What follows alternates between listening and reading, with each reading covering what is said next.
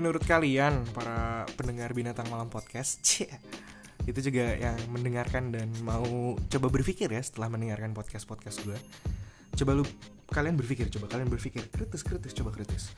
Apa sih yang sebenarnya dunia ini butuhkan? Apakah kebaikan sepenuhnya kebaikan? Ataukah sebaliknya keburukan? Nah kalau jawaban gue adalah yang kita benar-benar butuhkan adalah keseimbangan.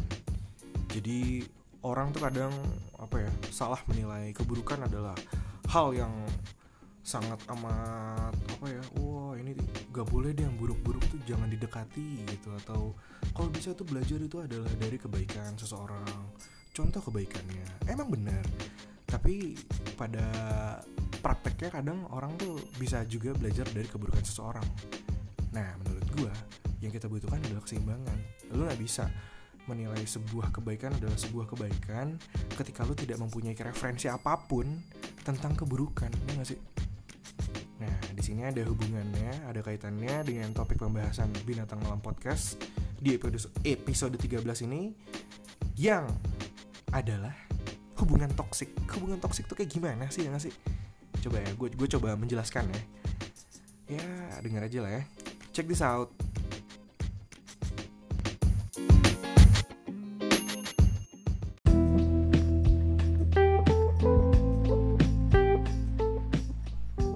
topik pembahasan binatang malam kali ini lumayan menghibur ya karena aduh ya sebenarnya gue nggak peduli juga sih lu mau terhibur apa atau atau enggak tapi ya gue harap terhibur lah. Kalau misalnya nggak ada manfaatnya at least terhibur. Dan topik kali ini adalah hubungan yang toksik gue ingin menjelaskan mencoba menjelaskan kepada kalian apa sih alasannya uh, orang mempunyai hubungan yang toksik karena gue pernah mengalami hubungan yang toksik tersebut.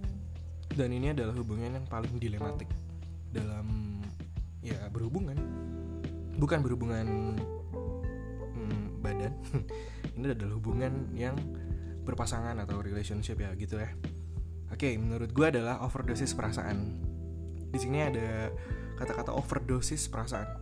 Ketika orang yang terlalu apa ya menganggap pasangannya adalah pasangan yang paling anjing ini satu-satunya nih orang yang nggak kayak orang lain nggak bisa nih kayak dia.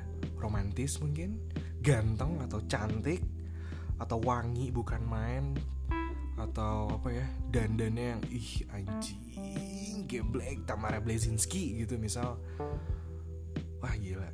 Itu yang menurut gue uh, cikal bakal hubungan of, uh, toxic. Karena mengagumi terlalu berlebihan atau cenderung ke fanatik ya ya itu bisa dibilang fanatik kan. Kalau lu suka Justin Bieber yang akhirnya lu bisa pingsan jika Justin Bieber uh, ada berita meninggal gitu. Nah itu fanatik. Nah itu yang sebenarnya cikal bakal uh, hubungan yang toksik ini. Karena di situ di overdosis perasaan itu ada kecenderungan orang ber, bertingkah protektif. Pertama protektif posesif yang akhirnya masalahnya berlarut-larut dan menjadi masalah.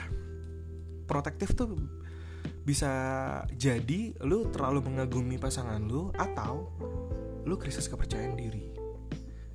Ini ada yang menarik ya, krisis kepercayaan diri itu sebenarnya hal yang tanpa kita sadari kadang kita juga pernah kayak gitu. Jadi kayak mungkin ya mungkin ya, gue bukan body shaming atau gimana gimana, gue gendut misalnya, tapi cewek gue cakep pisan anjing kayak model gitu misal dan akhirnya ketika lu jalan sama cewek lu lu kayak minder dan akhirnya protektif gitu lu. Eh lu pokoknya gak boleh ke sini gak boleh ke sini. Nanti takut ketemu yang tidak gendut dan akhirnya lu suka gitu. Ngerti gak sih? Protektif. Itu nyebelin banget sebenarnya orang protektif tuh. Tapi akhirnya di situ lagi alasannya apa orang protektif? Karena itu menurut gue ya. Karena krisis kepercayaan diri sih salah satu pasangan tersebut dan lu terlalu mengagumi dia gitu. Jadi sebenarnya gak usah seperti itulah biasa-biasa aja ketika lu sayang sama dia lakukan apa yang seharusnya tapi tidak tidak terlalu fanatik. Yang kedua posesif posesif tuh sebenarnya terusan dari si protektif ini ya. Posesif tuh apa ya? Cemburuan gitu yang itu tuh annoying banget asli kalau lu adalah tipikal orang yang cemburuan please rubah cara berpikir lu. Kenapa lu harus cemburu kepada pasangan lu? Lu tidak percaya kepada pasangan lu kenapa kemarin lu terima? Kalau misalnya lu tidak percaya kepada uh, seorang laki-laki atau wanita kenapa harus lu kejar dan lu pengen memiliki dia gitu? Harusnya lu kasih kepercayaan dia dong. Itu adalah apresiasi cinta lu sebenarnya ketika akhirnya lu tidak pernah percaya sama dia kenapa akhirnya lu terusin hubungan ini gitu? Apa yang lu harapkan? Menguasai dia gitu? Menguasai dia dalam arti dia harus uh, menuruti segala perintah lu gitu? Lu lu pacaran gitu? Bukannya hierarki antara bos dan anak buah gitu? Ngerti gak sih? Jadi menurut gue cemburuan itu nggak relevan dilakukan orang yang pacaran karena lambat laun itu akan menjadi sebuah akumulasi masalah. Sometimes lu boleh cemburuan karena itu adalah apresiasi juga sebenarnya. Di kadar yang masih bisa apa ya di kadar toleran ya. Toleransi manusia kan tapi ada batasnya ya. Tapi kalau sabar sebenarnya nggak ada batasnya gitu. Dan yang kedua ya yang kedua komunikasi yang kurang baik. Pernah nggak lu atau pasangan lu punya masalah yang nggak pernah diomongin sama sekali. Entah misalnya lu nggak pernah apa ya pasangan lu bau gitu misal tapi lu nggak pernah ngomong. Dan akhirnya lu pendem pendem pendem. Suatu saat ada pertemuan keluarga gitu misal atau hangout bersama teman-teman sebaya dan kayak double date atau apa gitu terus ada yang nyeletuk ih lu belum mandi ya? gitu misal. Dan akhirnya lu terganggu sangat amat terganggu karena hal tersebut dan akhirnya menjadi perbincangan masalah besar dan bla bla bla. Ini sebenarnya komunikasi yang baik jika lu merasakan ada yang kurang pas di hati lu atau tindak tanduk pasangan lu sebenarnya lu harusnya mulai mengkomunikasikannya dengan pasangan lu.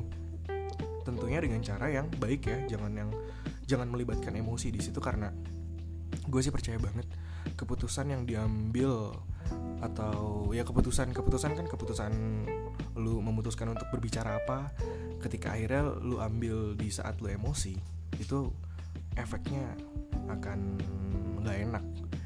Jadi gue sarankan ketika akhirnya lu sedang merasakan sesuatu yang nggak enak gitu dan lu ke sana emosinya meledak-ledak gitu. Lu coba cool down dulu baru besoknya mungkin baru lu komunikasi sama pasangan tersebut. Masalah apa pun. Itu works banget karena komunikasi itu penting menurut gue jadi ada orang-orang yang introvert tanpa mendiskreditkan kalian introvert people. Tapi menurut gue komunikasi itu adalah apa ya pemecah masalah. Ya bahasa ya komunikasi itu adalah cara untuk menyelesaikan masalah. Jadi jangan pernah uh, seseorang tuh kayak alah lu bacot doang. Alah lu cuma bisa ngomong. Dude guys ngomong tuh gak gampang. Kalau lu nggak percaya cobain aja. Lu coba aja lu ngomong masalah lu sama pasangan lu sendiri deh. Apakah lu seberani itu? Gak usah di depan publik banyak ya tapi lu face to face sama pasangan lu aja ngomongin hal yang selama ini gak pernah lo omongin deh. Apakah itu gampang? Itu nggak gampang tapi perlu dilatih. Dan perlu bisa. Gitu.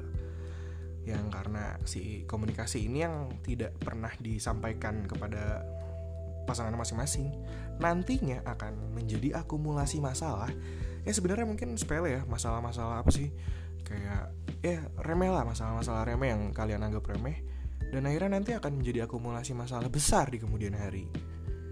Di situ uh, kadangkala ketika akumulasi masalah sudah terlalu menumpuk itu akan meledak banget dan efeknya akan wah anjing gila gitu. Ngerti gak sih?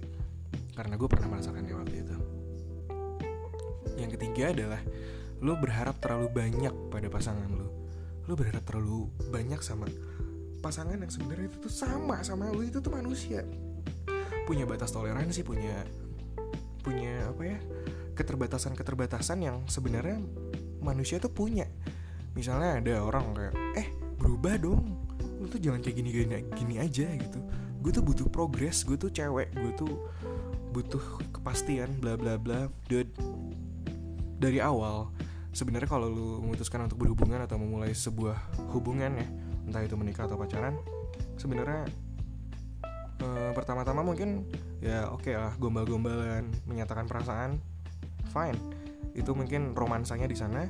Kemudian lu harus membuat suatu apa ya suatu uh, benang merah nih hubungan ini akan seperti apa nantinya dan apakah masing-masing dari kalian bisa menyanggupi uh, si benang merah tersebut. Kalau nggak bisa mendingan nggak usah gitu. Ngerti gak jadi kalau ada orang yang ngomong hubungan dewasa berhubungan dewasa bukan akhirnya berhubungan intim atau uh, ngewe ya tapi berhubungan dewasa tuh menurut gue dewasa secara pola pikir dan tujuan dan cara pandang dan perilaku. Ketika lu memaksakan kehendak lu kepada pasangan lu menurut gue itu udah gak dewasa sama sekali. Lu pengen pasangan lu berubah tapi dengan syarat ini itu dengan kayak dikejar deadline gitu. Orang tuh punya kapasitas otak tuh kan beda-beda. Orang punya kapasitas perubahan juga beda-beda. Maksudnya pernah gak sih lu pernah sekelas gak sih kayak sama orang-orang yang teman-teman lu tuh ada yang lambatnya setengah mati sampai dia nggak bisa nangkep pelajaran tapi setelah ada effort lebih baru dia bisa mengerti gitu. Tapi ada juga yang cuman kerjanya ngerokok uh, main game mabok. Tapi dia nggak pernah belajar. Tapi dia bisa lulus dan mengerti pelajaran tersebut gitu. Kan ada. Jadi kasih waktu dan ya itu sebenarnya selektif lo uh, untuk memilih pasangan ya. Menerima pasangan.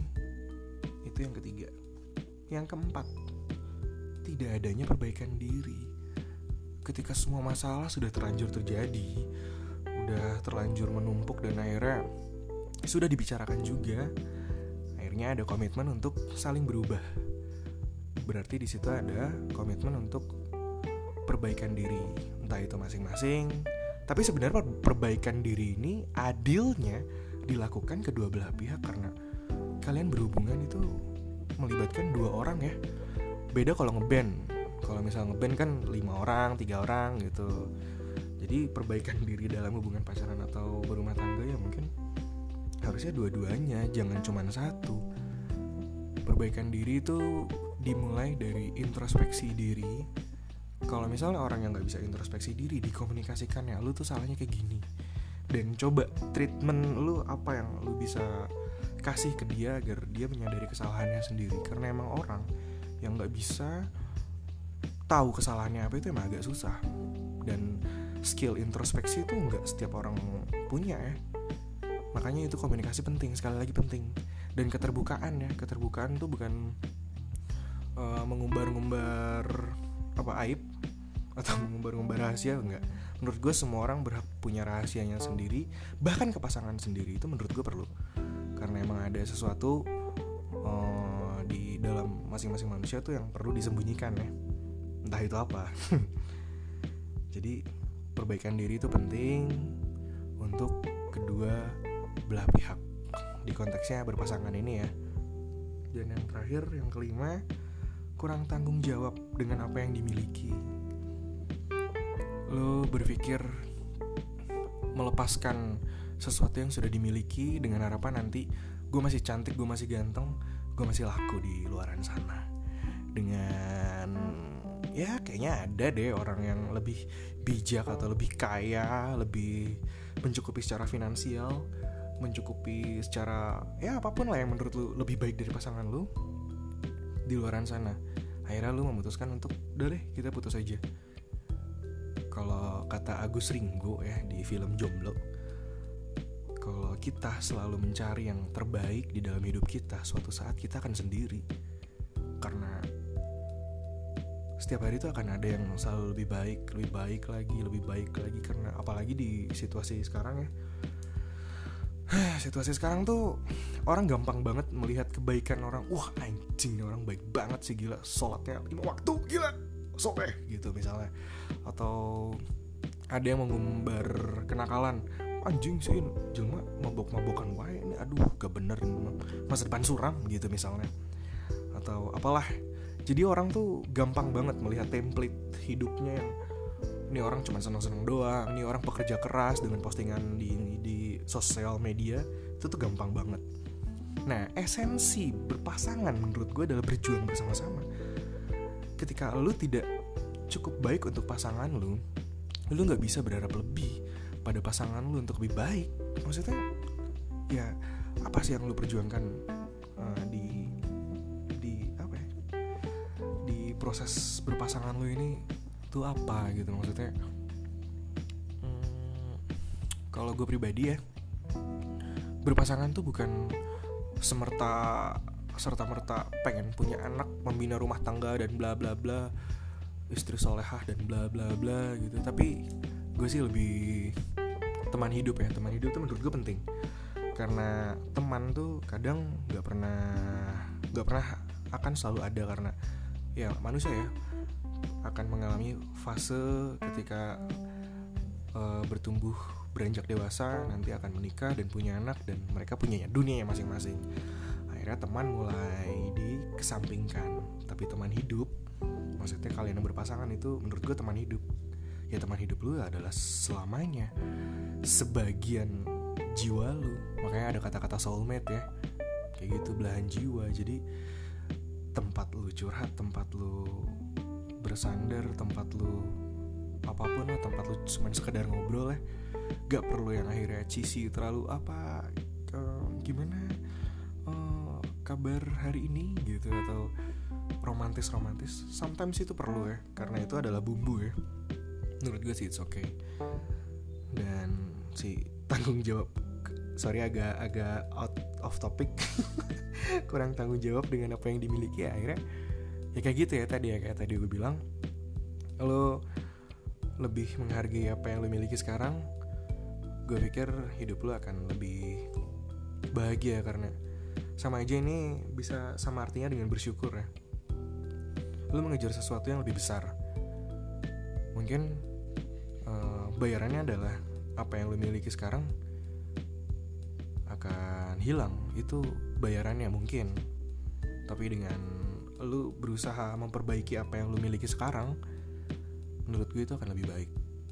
Karena perjuangan itu pernah kalian lalui bersama. Memori-memori yang akhirnya dari up and downnya tuh pernah terekam semua di kepala lu ketika akhirnya nanti ada tawaran-tawaran lebih baik dari dunia-dunia luar dalam tanda kutip entah wanita yang lebih oke okay, atau cowok yang lebih oke okay, tuh bisa dikesampingkan. Karena gue pernah mau apa mengarungi hari tua bersama dia dan gue pernah bersama dia dengan segala prosesnya mendingan gue sama yang ini aja